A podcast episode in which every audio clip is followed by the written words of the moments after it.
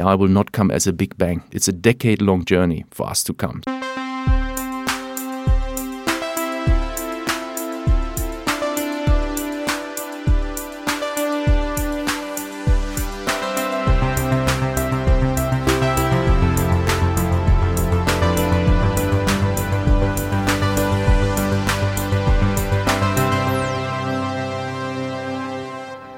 My name is Christian von Essen, and uh, this is Heja Framtiden, the Swedish podcast on the future.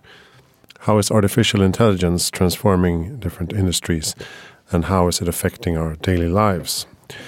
In today's episode, we will meet the Australian German AI expert Christian Guttmann, who's been working with these issues for 25 years. Heja Framtiden is, as always, produced in collaboration with Warp Institute who's trying to make the future come sooner. Warp Institute is currently uh, initiating the first private asteroid mission and uh, crowdfunding it so you can be part of uh, this historic moment. Read more at warpspaceprogram.org to join this interesting and fascinating revolution. We also collaborate with the Swedish business magazine uh, Veckans Affärer, and we've recorded a podcast at Helio, providing Stockholm with the seven different locations for co-working and a flexible office space. Check out helioworks.se. Please follow us on social media, Heja Framtiden, and read more about our amazing interviews at hejaframtiden.se. We have uh, almost a dozen English episodes out at the moment, so check them out. If you like what you hear, you can always uh, donate a few dollars each week to help us uh, become even better at what we do and help us improve our platform. Check out patreon.com slash hejaframtiden. All right, let's get to it. Let's continue the discussion about artificial intelligence. Now let's listen to the amazing Christian Guttmann. Welcome to Heja Framtiden, the Swedish podcast on the future, in English this time, uh, and we welcome uh, Christian Guttmann. Hello. Australian German. Mm, correct, yes. And and also, uh, you know, sometimes uh, referred to as honorary Swede because I've been living here for a while and speak Swedish and so on. So, yes. Yeah, there's a lot to say about your resume, but you are now uh, vice president, global head of uh, AI and data science uh, at uh, Tieto, mm -hmm. the consultancy. Uh, company, uh, Finnish Swedish consultancy. Uh, yes, roots are in Finland, Sweden, and the Nordics, and it's also a software company, so software consultancy for sure. Yep. Um, executive director of Nordic AI Institute, mm, correct. which you founded as well. Yep, yep. It's a non-profit organization of an uh, of a global alliance of leaders in AI, in industry and in in research. Yeah. Mm. Associate professor at AI at uh, UNSW Sydney, Australia uh, mm -hmm. University. Yeah. Research fellow at Karolinska uh, -hmm. in Stockholm. Yep. Entrepreneur, investor, speaker, mm-hmm. a PhD in a, in AI as well. Yep, yep, exactly. You've been working with IBM in Australia. You've been working with BT mm-hmm. in um, United Arab Emirates. Mm-hmm. You have a master's from KTH in mm-hmm. Stockholm. Yes, in AI as well. Yeah, bachelor in social sciences at Stockholm University. Mm-hmm. was that was that um, descriptive enough? I think it's a reflection of my my passion and my dedication to the topic of AI. You know, so so I guess for the last 25 years or so, I have been so interested in really developing this this topic. And for example, one of the things that I did early on is to also study psychology. So a way of understanding how we humans uh, make decisions and how we behave as a basis for building intelligent machines. Uh, and I think that's when you go back to the field of AI, many of the uh, initial you know driving forces and key figures uh, have actually a psychology background you know and started formalizing those uh, you know behaviors uh, into let's say into mathematics and that often is then a basis for engineers and and computer scientists to turn this into into a an intelligent machine actually. So you must have noticed early on that uh, this was uh, a topic that would be exploding in the future.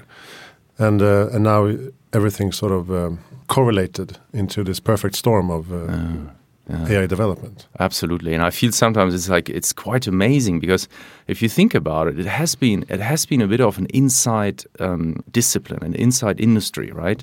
And now it's everywhere. So so you know we have so few people right now that have been taking this AI seriously for long that um, it's quite amazing to to now see it growing out of these, let's say, nerdy, more scientific roots into the mainstream. Everyone talks about it, and and now it's it's almost flipping to the other side, where before fewer people talked about it and knew even the term term around it, and now we have many people and everyone talking about it. it becomes very uh, fluffy. Let's say you need mm. to really be careful about which sources you listen to and uh, who actually has understood the topic.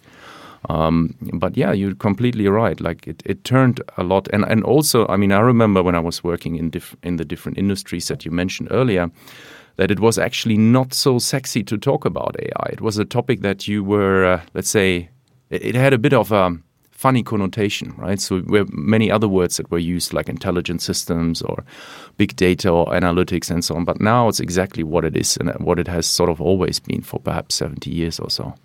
And uh, what is your role at uh, Tieto? Yeah, so at Tieto, um, I have, you can probably divide my role and responsibilities in two or three areas, and that's certainly not covering it all, but one is it's the strategic consideration for a large company, a large Nordic company. You need to start looking at how you position yourself in this future market or in this emerging market, so that there's a lot of questions of what capabilities you need and how you actually, um, you know, offer and, and, articulate your, your offerings to to the customers and what partners you're seeking. That's one part. The other one is, of course, building all this AI. So the AI architectures, the AI um, use cases, and the technology. So that's what we are focusing a lot on. So, just as a quick example, last year we have developed perhaps 50 different um, AI components and technologies which which can be deployed to many different industries, including healthcare and finance and so on. And so these are sort of the, the two main roles I would say at the moment. And then of course supporting the the business and the ecosystem overall.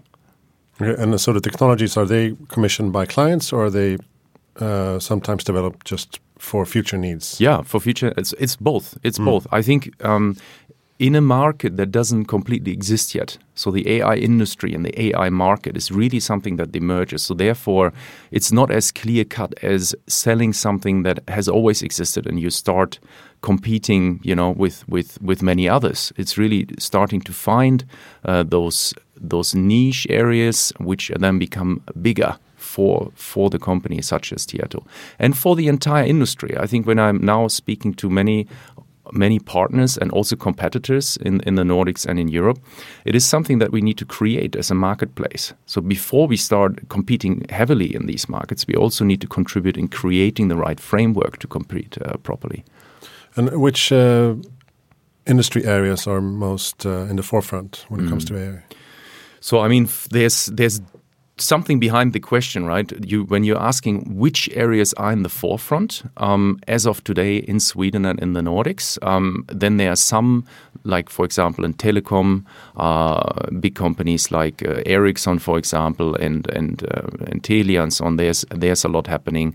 Also Volvo looking at um, in how they are building self-driving cars. Uh, these are areas which are sort of established and but if the question is in part related to what are the potential, what where are we going, then I'm seeing a lot of opportunities. First of all, in practically all industries, because AI is a multi multi uh, purpose technology, just like electricity or the internet was. So everything everything will be affected. But some of the areas that we are focusing on is, for example, the whole public sector. So it is certainly healthcare and well being, uh, education. These are areas, and we have recently. Um, you know, when you look back uh, at what we have communicated to the public, we had a few very nice cases with the traffic authorities in Finland, for example, with the uh, with the municipalities here in Sweden recently about education and school children and so on. So we have been using AI there. Uh, another sector is of course banking, so finance, uh, finance and, and uh, insurances, for example. So this is a big sector which will be influenced, and perhaps uh, a third one which is IoT, predictive maintenance. So as you have machinery and things, you would like to know you know, how long, what is the life cycle, what is the expectation of these machines to work properly, and, and, and so on. So these are some examples. And then there are many others like, um, you know, oil and gas and retail is another big sector. So all of them will be very heavily affected. It is, though, very hard to say precisely how much they will be affected and how quick the adoption rate is in, in, in some of these markets. Mm. But do you think uh, the average person uh, will notice these uh, changes? Yeah, you know, they say the best technologies are the ones that you don't notice, Yeah. right? So um, I think it is like with so many things. Like it's going to be a transition. I said in, in previous interviews also, AI is not not is not going to come as a big bang. That suddenly, oh, next year all cars will be self-driving, and and you will have a robot that f- follows you to school or something. I mean, this is unlikely to happen. So it will be it is sort of a silent revolution really. It will be it will be improving many of the technologies that we are used to today in an iterative way. So if you take if you take any industry, let's say self-driving cars, right? I mean, already today, if you buy the latest Volvo or Mercedes or BMW, it has many autonomous features, right? So it follows the lane, it, it wakes the driver up, and so on. And so those are small things that you will iteratively see moving into these types of products and services, and um, I think this will be a natural uh, evolution, and the and another area would be healthcare, for example, medicine, where we have uh, where one of the first areas which we won't feel directly, not at least uh, objectively and, and, and visually, will be on uh, you know how you do uh, a diagnosis, how you make sense of a lot of data, like in images and MRIs and in, in X-rays, which which today is done by a person, um, but that can be done very much by by a machine, by an AI to detect abnormalities, and this would then be indirectly reflected as something where you receive a better diagnosis and a faster diagnosis you know, from the doctor. So, so if you look carefully, you will see these types of changes. You know, It's like um, uh, Försäkringskassan, the Swedish, Mm-hmm. um, what do you call it, welfare system. Um, social. What is it called? Social, Social. system. This, yeah. Mm.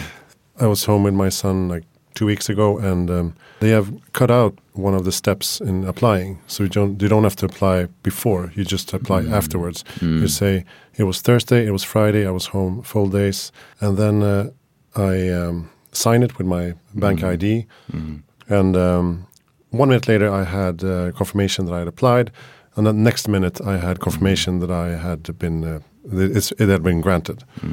The money is on their way.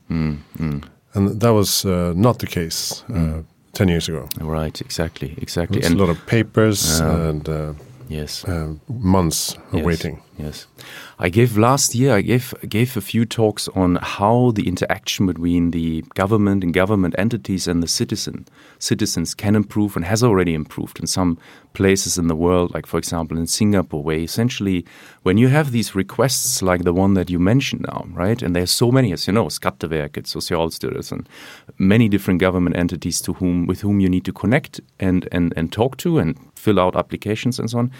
In Singapore is now a chatbot which essentially uh, collects and connects to all these back back end, let's say, services, and you can have a dialogue with that chatbot, and it points you into the right direction. Whereas today, as you know, right, you go to the Skatteverket website, you go to the Socialstyrelsen website, Försäkringskassan, so there are many different ones. But this is a way to communicate your, your needs and in part even to fill out many of these forms and automate those types of processes. So, so it means you have increased um, service quality, uh, you have um, more transparency in the process if you design the systems correctly, um, and also a very important part that I find that I'm very passionate about, and I've been working in for a long time, is of course the ethics and AI and ethics. And I, I know you had uh, previous speakers on the topic. That's certainly something that uh, at Tieto we are one of the few that have this AI certificate in place and then AI guidelines. And what it means, or one aspect of it is, I mean, it democratizes the ability for you to apply. So let's put it this way. If we keep the system the way it is as it was maybe 10 years ago where it's very cumbersome and you have to fill out many forms and it can take you a very long time i mean this is something where some people that are more um, let's say that, that are in a better position or don't have any needs towards the social welfare system um, they don't see these administrative efforts the costs and by costs i don't mean money but the costs of time involved in applying for these services.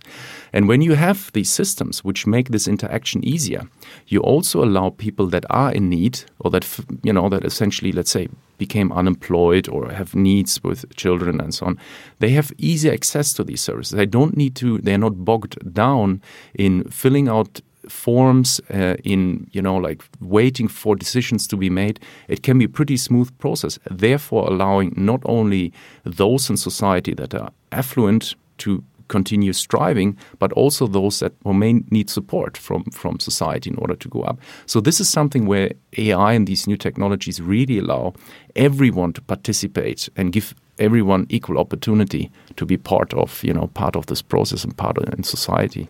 Hmm. What was the um, AI certification you mentioned?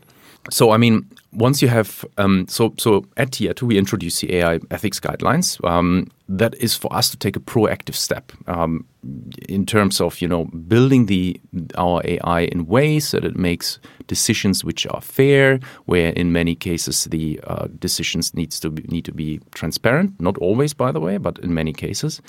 And um, in order to do that properly, um, we have introduced an uh, at this point an awareness program for those working closely with AI at Tieto that go through this certificate. So they go through, at the moment, a reasonably short uh, course, if you like, and a questionnaire, which um, give them a, a, strong sense of what's involved. What does that actually mean, and like how a the, checklist? Yeah, like a checklist, and it refers to many of these efforts that have been uh, initiated in the world. For example, of the IEEE, uh, talk to John Havens, for example, who's a chairman at IEEE, which is a large international organization for engineers, where you look at the design of systems so that they be, become fair. And that is something which um, is a topic in my AI team and at Tieto very often. So, so in other words, um, you know, for example, recently we, we have decided to change quite a few algorithms towards them being ethically, let's say, aligned best practice. And that, and I want to highlight. Some people might say, "Yeah, but why does a company make these types of ethical decisions for society?" That's not the idea. I want to sleep at night. I said that last year, right? So I want to make sure that my team is doing the the things as right as they can, and as it becomes a law in the future and a regulation, we will of course take that on board. And and we have of course in the EU, in, in Brussels now many discussions of how such a framework would look like. And that would be something I'm I'm looking forward to to implementing. Yeah, that's where Fredrik Heintz, for example, yes. is um, involved in. Correct. And and um, we met at uh, briefly at the um, inauguration of uh, AI Sustainability Center in mm. um, in Stockholm uh, a few weeks ago, mm where uh, Anna Felländer, another uh, interview person here, has um, initiated. Um, do you think uh, that sort of um, effort is, is important in, in bridging the gap between uh, programmers and uh, ethical decisions? Yeah, absolutely. I think the um, and there are many efforts now. Like I think over the last three or four years, there have been many initiatives around the world. There's the AI Now Institute, Max Tegmark, who is also originally a, a Swede, uh, who is at the MIT, has been creating um, the Asilomar principles, which could be followed, and there's quite a few. So there's absolutely a need for this type of um, ethical design, if you like. Uh, this is also not new to, to Tieto. A good uh, colleague of mine, Simon Kevanan, who is living in Norway and works for Tieto, has been building these principles for some, some years and many different other concepts. But let's put it this way. And the UN, by the way, is also working on that. And a good colleague, uh, Professor Wayne Wobcke from UNSW, has been working with the UN and creating these frameworks and, for example, looking at how data is used for, uh, for humanity you know, not just for for uh, let's say commercial purposes, but you know, how can it help us to eradicate disease and those types of things? So, so it's it's it's very necessary. Um, the structure needs to be worked out in more detail, and then in the end of the day, I also say often that there should be a sort of a minimum viable ethics. So something that becomes practical because you know, it's not that we will all agree what the right ethics is at some point. And a recent paper of a good colleague, Iyad Rahwan, in also at the MIT, um, that's something I recommend people to read. It, it was a Nature article two months ago published that describes that the decisions that different countries and cultures make um, are actually quite different. So, so you know, if you're living in Singapore or in China, uh, you have preferences in terms of, for example, who might be injured in a car accident, right? As opposed to Sweden or or, or Germany or America or Brazil. So there is not at the moment. It doesn't look like there's like the one ethics that that rules it all, if you like, you know. So, um, but at the same time, we also don't want to be stopping the development of AI, you know, if we need to first wait for the final decision on, on AI ethics, it will be evolving all the time. Mm. But do you think uh, there is, is there possible to uh, create legislation around this uh, globally? Yeah, I think. Whereas EU, yeah, yeah, creating one legislation Yeah. and US another. Mm. So legislation is like one part of the story. I think it will, at this point, it should be more guideline because legislation will only be part of, you know, it's, it's, it's generally considered a guideline in general. Is it possible to have a global guideline on ethics? So I think um, if such a thing is possible, it will take a very long time because it would require a very homogenic understanding of how we're looking at the world and, and life principles and, and then also it will only always be a representation hopefully actually of, of a big group of people because you, you will individually and should individually always differ i think on, on your views on how ethics are working. So so i think it will differ. And then uh, perhaps and this is now i'm thinking out aloud but it would then also mean that um, people could possibly choose which products and services to buy based on which ethical principles perhaps right it's a little bit i mean this is again maybe a bit of a stretch but as you now buying products in coffee you know which is fair trade right it's a choice that you make as a consumer perhaps it's something similar that might happen in the ai world you know Mm. a fair trade um, ai system Maybe. Do you think the Nordics can uh, can use this sustainable AI to um, gain uh, recognition internationally? Yes, so I think um, it is certainly a contribution. It will be part of the future. I think, and also with the AI Sustainability Institute with Anna, I think this is a, is a very good step forward. I had many colleagues around the world reaching out. So I think, can we be leading in this? We could, um, if it becomes a very international effort. So it would really require internationally to be rep- representative and almost on the level of the UN type functionality and role, right? So that that would require a lot a lot of expansion over the years coming. But in principle, it's it's uh, it's absolutely a need to to look at that approach. Uh, it also would need to be quite pragmatic and practical, I think, you know, for it to really grip uh, and to be part of of you know um, uh, companies and, and and systems and so on. Hmm.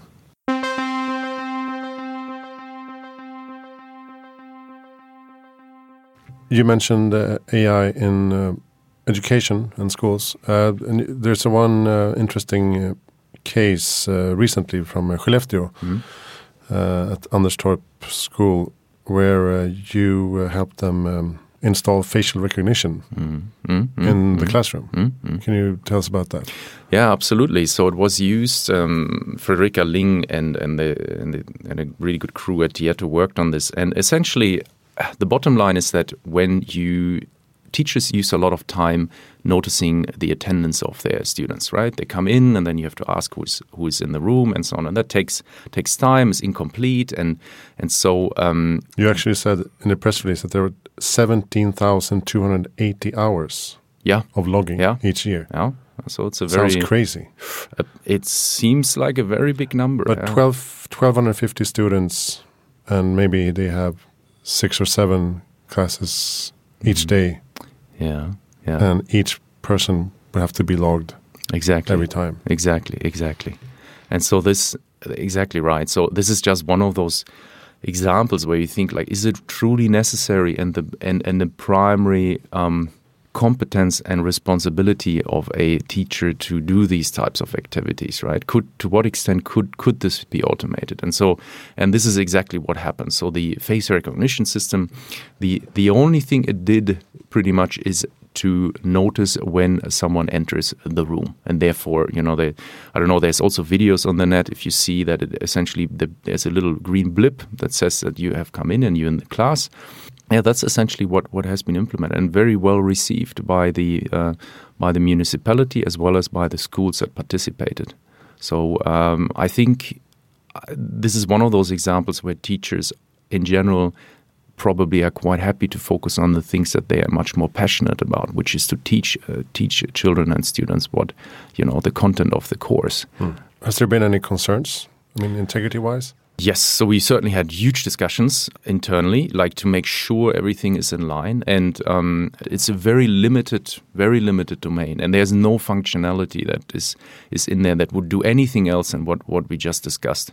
So in that sense, it's uh, it's no major concern as as it is in terms of integrity or or um, you know privacy. but we keep a very clo- close eye on on the on these type of technologies and how and if we expand those uh, in the in the future. Are people rightfully skeptical towards AI, or are they uh, a bit too afraid of discussing this? So I think there are yes, many people are skeptical and afraid, and, and, and I think this is very this is a very healthy attitude, as it is with many new technologies that come in. Hmm. So I think all of us, including myself, so I might sound like someone that is very much promoting AI being the solution for everything, but believe me, I mean I have very much on the other side of the of this coin, you know, I'm thinking a lot about how it influences us. And and the last few years, AI has become such a core of so many things that it is very hard to keep up with everything that happens. So so I'm certainly now at a point where I need to make sure I understand enough of everything. And it depends a little bit how rational your fears are, right? I mean, what is it that you are concerned about? I would certainly encourage everyone to, to speak up and share also reflect and try to articulate as good as you can the question and the concern that you have. Do the research and see what you can already find out, because that will be a, good basis to address that concern. You know, is it a rational concern or is it an irrational concern? I mean, one one of the things, as I mentioned earlier and alluded to earlier, is that AI will not come as a big bang. It's a decade-long journey for us to come. So, so uh, take self-driving cars; they won't be all on the street next year it will already just take time, at least 15 years, for all the models that are designed now to even come out uh, out in eight years' time. And these are not self-driving cars, right? So there will be a slow, slow change in this. But but at the same time, one has to be very clear that, and this is where the where our governments are uh, are needed need to respond and really think about it is 450 million people in the world are, are involved um, in moving things or people from A to B. 450 million is a very large number. And that means people are in taxis, transporting goods, and so on. And many of these types of jobs are likely not going to exist in the same format in uh, 15 years' time. And so we have some time to start thinking about this, but it will certainly, if you don't do anything, it will certainly very heavily affect certain certain industries, and um, and so th- that is one of those things we need to start thinking about now. It's not like dead urgent, but it's certainly something that will become a bigger and bigger topic. Hmm. And is is that something you discuss in in the Nordic AI Institute as well? Um, the job mm -hmm. situation uh, mm -hmm. going forward. Mm -hmm. Absolutely. Is there a solution to that?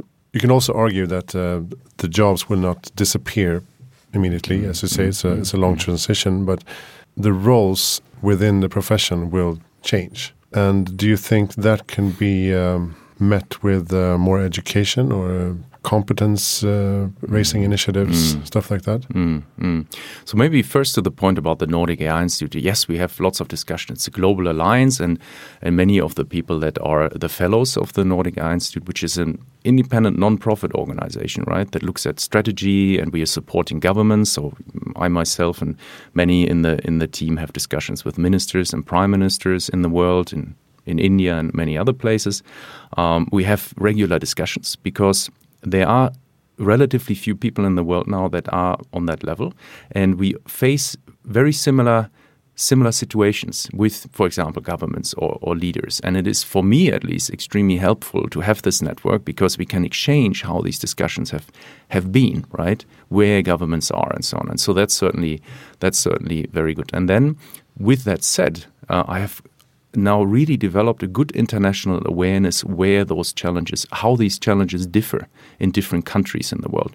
So, for example, India and China will have very different challenges when it comes to the future of work. And now, addressing your second point as to what needs to change, because those countries will be affected very heavily, much heavier than Europe in the in the first phase because many of the jobs are much more repetitive and they have to do with you know work which can be automated, if you like, and, and replaced. And then to the point of you know how does it change our uh, the future of work? I mean you have two responses essentially. You can think of it as in two ways. One is that technology has always been something that initially makes quite a difference and it, one refers also to this as the industrial revolution. Um, and we can then utilize it and it will create more jobs unleashing you know values and capabilities that we have which are um, you know, which are more creative, which are things that machines cannot do, right? So that's that's one one way to look at that, and that's one likely scenario. The other scenario is that, for example, this will be such a fundamental change, you know, that many of the jobs that we have today, which give us essentially all the basic uh, utilities that we apply today, um, that they we just don't need to do these types of jobs anymore. But we have all the goods that we need in order to live. Um, so in that situation, you know, there's all these discussions about having some very different type of economic system and how we are, you know, how we're living under that. So, for example, uh, you know, like having a standard income and so on. Experiments that were run in Finland, for example. Hmm. But these are sort of the the two big scenarios, you know, that, that are probably unfolding. And then to the point of um, how should we evolve or you know change the teaching. Um, it was in fact um, the Alibaba CEO. What's his name again? Jack Ma. Jack Ma, exactly. He uh, referring. I like his his thinking. He's also referring to the fact that um, you know you need to uh, look at all the things that machines will not be so good at in the next you know decades ideally. And that's around creativity. It's about caring for others. It's about um, teamwork and, and um, empathy and those types of things. That, that doesn't mean that machines may never be able to be part of those types of tasks and capabilities but at least not in the next few decades. And that is something we should start looking closer at. Because one thing is relatively certain. You will not be able to compete with a machine when it comes to sheer data processing and repetitive tasks. I mean, that is something that you will. This is pretty clear. You won't be able to to be good at that. Let's say, hmm. you know, so we will not be out competing machines in that. And I could give you hundreds of cases where that's already the case today, and hundreds of cases which will be which will unfold this year and next year. You mentioned AI in uh, the healthcare and medicine sector, and when it comes to personal health, how do you think uh, it will help us there? So, uh, as you know, you know, I've been, I probably have been active in, in healthcare and medicine for the last 10, 15 years or so, you know, worked quite closely with general practitioners, with authorities in different places in the world. And um, so personally, I really hope much more changes. I mean, uh, with great respect to the to the profession, they often have no no um, influence, no negative influence about how the system works. But the experience that you have in terms of receiving a healthcare service is not so good if you compare that with uh, many other services. When you book, when you, for example, book a meeting, you have to wait, you know, you have to find slots and, and then sit in the waiting room and then you have 50 minutes with the doctor. All this is really not so optimal. And I think everyone will, will agree that that is nowhere near as optimal as as many other services that you receive. Um, so that's one part, the actual processes and how you can, you know, uh, make them quicker, more convenient. Um, uh, the other part is that all the data that's created about you as an individual, the you know uh, biometric data, your information, you know your your microbiome, your DNA, uh, the comparison of you as a patient compared to the millions of other patients which might be similar to you, all this type of information today is not utilized and turned into something that can enable a doctor or the healthcare system in general to make to, to give you a better service, to give you faster diagnosis and better treatments. And um, there there's a lot of effort now in many different parts of this industry to include these types of AI services into it. Like if you take it pharmaceuticals, it has to do, for example, with finding the right um, persons for the clinical trials. Uh, that's that's one big topic. Um, if you look at the healthcare services that I mentioned earlier, uh, it's about you know looking um, at the pathology units. You know, how can they shorten the process from the time you present yourself with certain symptoms to the time where you actually receive a, a diagnosis? And that's critical in some cases. You cannot wait 30 mm. or 60 days to get a diagnosis as to whether you have a cancer or not. It should be within three or four days. You know, not 30 days. And so, so IT and AI in particular can help with that. I'm looking forward to those things. So I, I feel for me, it's so obvious and transparent that the benefits that could be unleashed in this sector are, are, huge. And at the same time, I also respect very much um, the the rigor with which the scientific discipline has to assess that. You know, particularly in medicine, it's um, it's done through very rigorous double-blind trials. Any changes that come in, but the speed at which we do that is far too slow. And and and here, just a comment now today we have the Swedish government is now in place, and this is a task in part for the government to decide that the the frame, you know, under which we deploy these uh, services, medical services, into the system needs to be faster. The frame needs to be set correctly. Mm. There's also the um, the task of uh, integrating different systems into mm. a major system, and also the the uh, personal integrity aspect mm. of it is. Mm. I mean, why would I care about my medical data? Mm. Mm. Use it as much as you like in the entire system. Yes, my address is on online. Anyone can come find me and murder me if they like. But my blood values or my um, medical history is really, really hidden in in some uh, drawer somewhere in, mm. in a doctor's office. Mm. Mm. I, I, think it's uh, yeah. counterproductive. Yeah, I agree. And, and this is, by the way, reflective of, of a very healthy Nordic and Swedish attitude, which I like very much. Maybe. If I'm you know, I think in some sense it is because you are. If I'm when I travel back to Australia, for example, other places, and and I show them our uh, 1177, right, the app and the way how you can now log in, which is sort of driven in part by Daniel Förslund, right? You can access your diagnoses and the values and so on, as you probably have tried. Mm. And and I showed this to some of my colleagues in the US and Australia, and they were just like, "How is that possible?" I mean, because they are not. They were immediately jumping to the question. Well, are you not concerned about giving? Isn't it the private? Isn't it a very, very private piece of your your life? You would never want to give that to anyone. But what you said now is is I think a very I think it's a very good attitude because um, there is certainly some medical information which you may not wish to broadcast, right? But um, from my personal view, I, I agree with you. Like much of that data can and should be used for the purpose of, of delivering you better service and everyone else, right? So I think mm. it could be reasonably easy fixed, let's say, by asking people, as we have according to the GDPR in, in Europe now, by asking you to what extent this type of data could be used for those types of purposes, you know, to make it very transparent to you and to unleash the potential and the benefits. So I think it's not it's not so easy as I make it out now, but it's certainly quite possible and should be considered very seriously. Hmm. So, what, what are you looking forward to uh, in this field in the future? Yeah, so I mean, AI is the future, right? So it's there's so much to look forward to. Um, so much. Uh, we touched on some of the things to you know look at what we have already starting to happening now in the healthcare system, right? To start really having more tools and, and more services which are more personalized and tailored, and the whole uh, experience that you have with the healthcare system is much smoother, and I'm sure that will happen.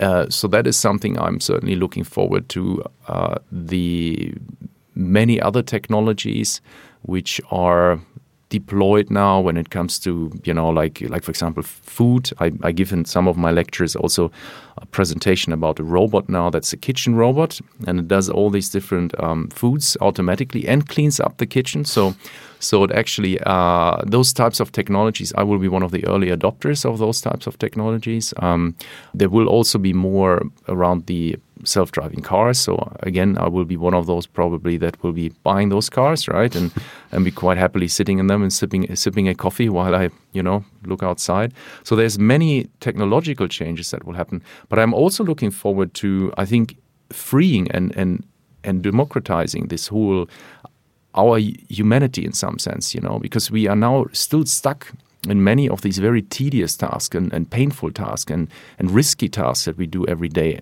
across the globe.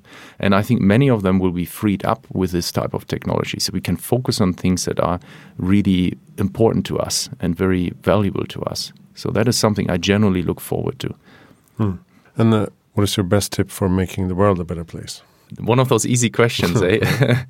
well, um, making the world a better place. I think when it comes now from the angle of, of AI and technology, uh, as you as you know, and I think everyone is aware of it, it um, it is there's no question that it will be more and more part of, of our world, and I think what's very important is for more and more people to understand this technology. And I know it's not so easy because by and large it requires mathematical skills and engineering skills and the influence on today's life is already so large with elections you know we have had so many examples now where you can very easily influence you know, like people's behavior through all these social media sites and, and so on. So I would hope that we can really find a good balance between the the progress of this technology and how it is actually uh, managed in a way that it will contribute to our our humanity. So I'm not I'm not quite answering the, the question. So I'm still thinking. Um,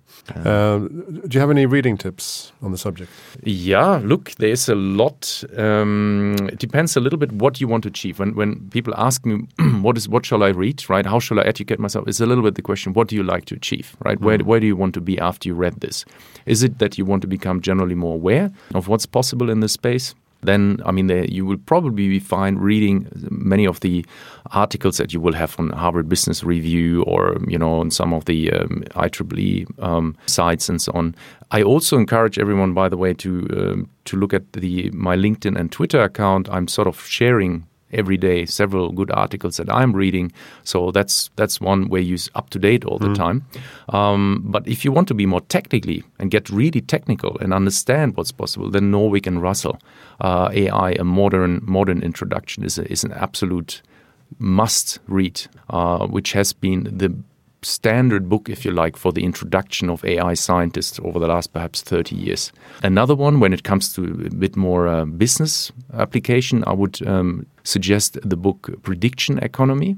That's a very key book by thinking of how predictions, which is a very economic concept, you know, can make can make a difference in, in different industries and will be a major driver in, in this AI industry. So these are maybe two books. And and if you're interested in psychology and neurobiology, there's a number of interesting books by Reichardt, for example. So that's neurobiology and artificial neural networks.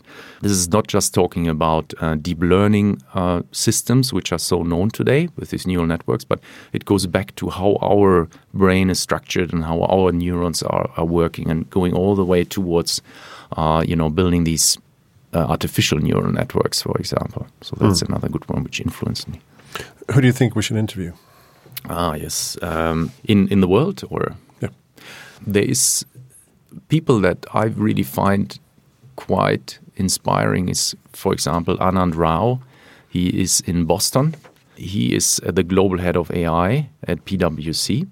He has very good insights when it comes to enterprise uh, AI. Uh, another good colleague of mine, good friend Iyad Rahwan, he's professor at the MIT. Uh, he's working with, um, among so many topics, but one is moral machines and also the question of ethics.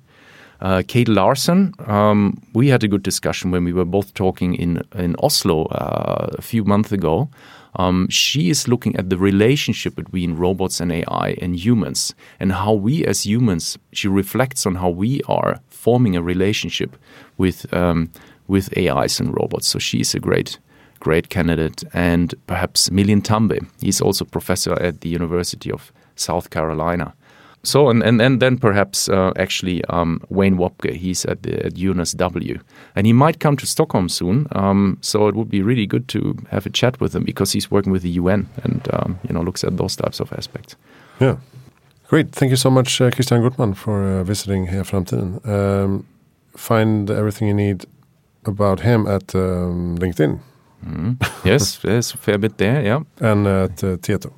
Indeed, indeed. .com. Yeah, yeah, and the Nordic AI Institute also. It's Nordic AI Institute, all one word, okay. and then dot .com. Okay, yeah. great. Everything you need to know about Heja Framtiden can be found at hejaframtiden.se. Thank you so much for listening.